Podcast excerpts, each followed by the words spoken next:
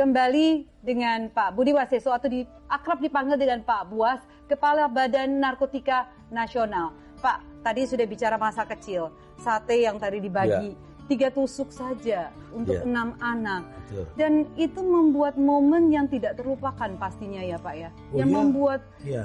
hidup menjadi punya daya juang yang luar biasa, tahan banting, ya. Ya. ulet, Ya. Ini benar-benar akhirnya mempengaruhi semua karir sehingga hari ini menjadi komjen, Pak. Betul. Jenderal bintang 3. Betul. Budi Waseso. Betul. Kalau tidak mengalami itu, mungkin tidak bisa sama nih, tidak bisa melewati posisi ayah yang kolonel saat itu. Ya, saya kira gini, uh, kita juga waktu itu kan didoktrin oleh ayah saya uh, bahwa memang kemandirian ya, terus kita pertama kali kemandirian terus termasuk kejujuran ayah saya itu selalu menanamkan itu. Dan karena ayah saya itu selalu menjunjung tinggi disiplin ya itu namanya tentara. Ya zaman dulu sampai sekarang pun disiplin number one gitu ya. Nah kita juga ditanamkan disiplin gitu ya. Bertanggung jawab disiplin. Nah, itu memang tertanam sejak kecil ya. maka dengan kesulitan apa pun pada saat itu kita itu dia apa di, dilatih untuk fight. Jadi fighter fighter yang dibangun ya. Oh, keberanian kemampuan. Sehingga pada saat itu kan ya salah satunya kan pada akhirnya bagaimana kita uh, berbuat melakukan yang bisa kita lakukan walaupun itu juga pada akhirnya memacu memicu kita untuk menjadi anak-anak yang bandel gitu kan. Ya anak-anak yang berani tanpa termasuk kebandelannya itu kalau nggak dikasih mangga sama tetangga dicuri ya, oleh tapi kita orang harus, buas kecil. Ya, tapi itu uh, diawali dari kejujuran. Nah, kita biasanya sama tetangga yang punya itu kita minta dulu. Jadi tidak pernah terus kita langsung kita curi. Nah, karena itu itu kata eh, nggak uh, boleh. Yang penting kita sudah minta. Minta kalau tidak diberi ya kita ambil kan gitu.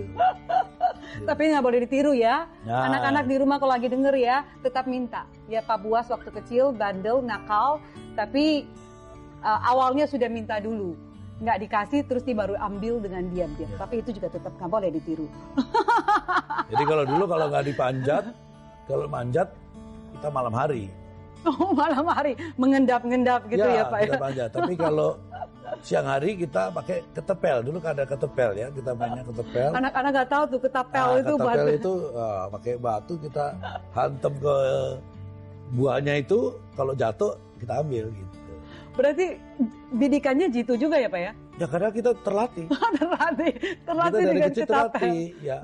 Baik. dulu kan uh, ayah juga suka melatih itu kepada putra-putra aja ya termasuk bisa melewati palang jendela yang dipalang karena harus tidur siang dan ayah di depan katanya ya, menjaga sebagai satpam saat itu. Ayah itu kalau dikala ada di rumah, ada kantor kan dia juga ya seperti saya mungkin keterbatasan dia dengan waktu yang singkat itu dia tetap bisa berbuat untuk anak-anaknya. Tapi Bapak memang melihat no, waktu yang begitu sebentar pulang hanya beberapa hari kebersamaan bersama anak-anak dan keluarga dimanfaatkan sebaik mungkin. Oleh oleh ayah. Oh iya. Jadi ayah saya kalau ada kalau makan kita pasti bersama. Ya, di itu meja itu bersama.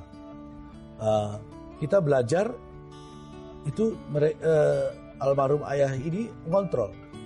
Dia dia datangi bahkan dia tunggu. Walaupun mungkin dia baca koran atau baca apa, tapi dia ada di sekitaran kita.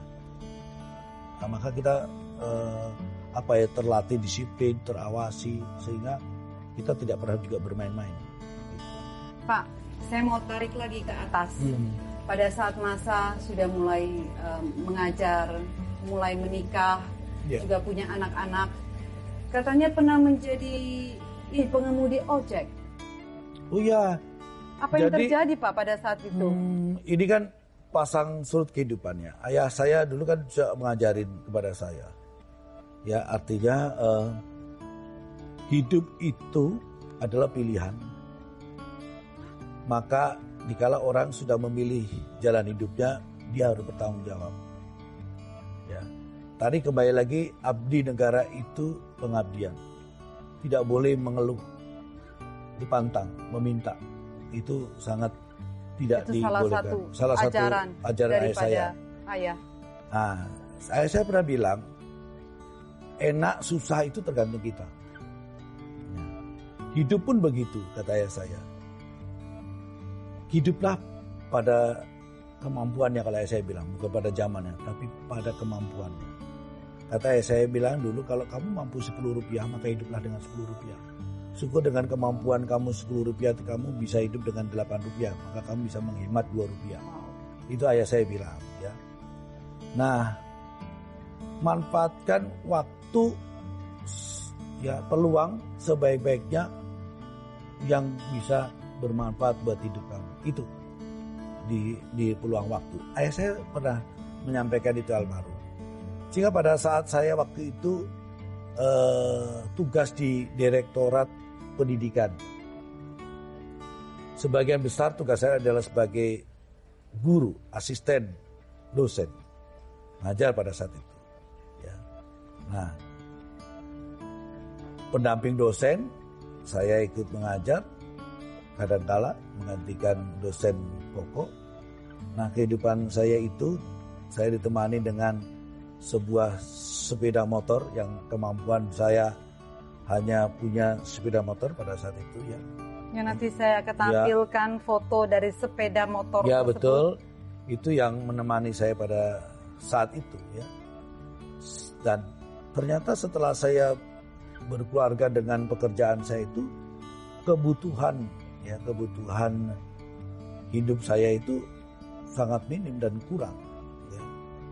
Nah, dengan gaji saya yang hanya itu dengan honor pengajar itu saya memang tidak bisa memenuhi Saat itu anak-anak sudah berapa orang? Pak? baru satu. Baru satu. Ya. Baru Nindya. Ya, ya, masih bayi. Saya waktu itu hanya memanfaatkan peluang waktu. Karena setelah saya ngajar, selesai saya waktunya kosong, relatif ya. Maka saya waktu itu saya pikir, apa yang bisa saya lakukan? Nah, ternyata saya melihat ada peluang. Saya bisa Ini Bapak kalau tidak jadi jenderal bintang 3 bisa jadi pengusaha kayaknya ya. Bisa melihat kesempatan dan peluang Memang pada akhirnya cepat. kan itu ya. Nah akhirnya pada saat itu saya mengangkat, oh saya bisa diikut gabung dalam orang-orang ini menjadi ojek. Karena zaman itu ojek itu masih Vespa kebanyakan. Ya. Maka setelah pulang kantor, pulang ngajar, saya buka baju, orang tidak tahu siapa saya, saya bergabung dengan mereka dan saya manfaatkan paling tidak saya mendapatkan tambahan. tambahan sehingga saya tidak eh, mengurangi jatah gaji saya apa yang sudah saya berikan pada istri saya tidak terbebani lagi oleh saya. Saya ini sendiri dengan hasil tadi. Gitu. Yang penting halal. Oh iya, itu yang penting kata ya saya. Nomor satu Pekerjaannya ya, ya. adalah halal, tidak boleh menyalahgunakan kewenangan karena abdi negara itu pengabdian, nothing tulus, Kejujuran, Iya. integritas itu terus Itu yang diajarkan oleh dan ayah saya. ditanamkan oleh Iya, ayah. Iya, betul. Lalu menjadi taksi pengemudi taksi juga Ya, katanya pada Pak. saya itu macam-macam yang saya lakukan peluang waktu saya. Pada saat itu saya ada peluang menjadi calok bahan bangunan karena Oh, itu juga. Ya, karena waktu itu Bekasi saya ingat karena saya sering ngajar di wilayah Bekasi pada saat itu. Terus saya lihat sedang bangunan banyak, bangun rumah-rumah itu. Saya lihat ini ada peluang nih, ada apa bahan baku terutama pasir. Nah pasir itu waktu itu saya kenal dengan seorang eh, pengusaha Pak Haji, seorang haji di Cibinong itu apa eh, eh, pengusaha pasir. Jadi saya bekerja sama beliau untuk mensuplai pasir di situ. Ingat saya pada saat itu bahwa satu truk pasir itu waktu itu harganya masih 125 ribu rupiah. Nah, di mana dalam satu truk itu saya mendapatkan 5 ribu rupiah. Jadi kalau Lumayan sehari, dong Pak ya. ya kalau sehari pada saat itu bisa mengedrop sampai dua truk, maka saya sehari bisa mendapatkan 10 ribu pada saat itu. Ya. Dan malam hari itu saya manfaatkan karena kebetulan dekat rumah saya ada pool taksi Bluebird. Pada saat itu kan Bluebird bukan seperti sekarang ya. Nah, dia makanya jam 7 jam 8 sudah masuk di pool. Nah saya merayu pimpinan poolnya dan pemilik taksi itu supaya saya bisa memanfaatkan taksi itu untuk keluar malam. Nggak boleh pakai itu. Tapi terus saya saya gunakan identitas saya sebagai polisi. Nah, dengan alasan saya sedang melakukan penyelidikan. Jadi saya harus menyamar sebagai supir taksi dan saya harus resmi seperti Lalu, supir lalu taksi. diterima. Langsung Lang- dikasih. Langsung dikasih. Tapi Padahal niat niatnya benernya adalah cari uang. cari uang untuk Ya. menambah sebenarnya pemasukan Ya. Dari kebutuhan Ya, sehari-hari itu kan keluarga. boleh itu tidak jujur. Ya. Nggak boleh ya. Tapi kita nipu untuk kebaikan. Ya kan? Baik Pak, akhirnya ketahuan sama sama bapak mertua. Ya pada saat itu setelah tidak sengaja bapak mertua itu pulang dari undangan, terus beliau ngisi bahan bakar mobil dalam SPBU yang sama, hanya berseberangan. Mertua melihat Bisa kebetulan saya- begitu ya. Ya, itu kan jalannya Tuhan.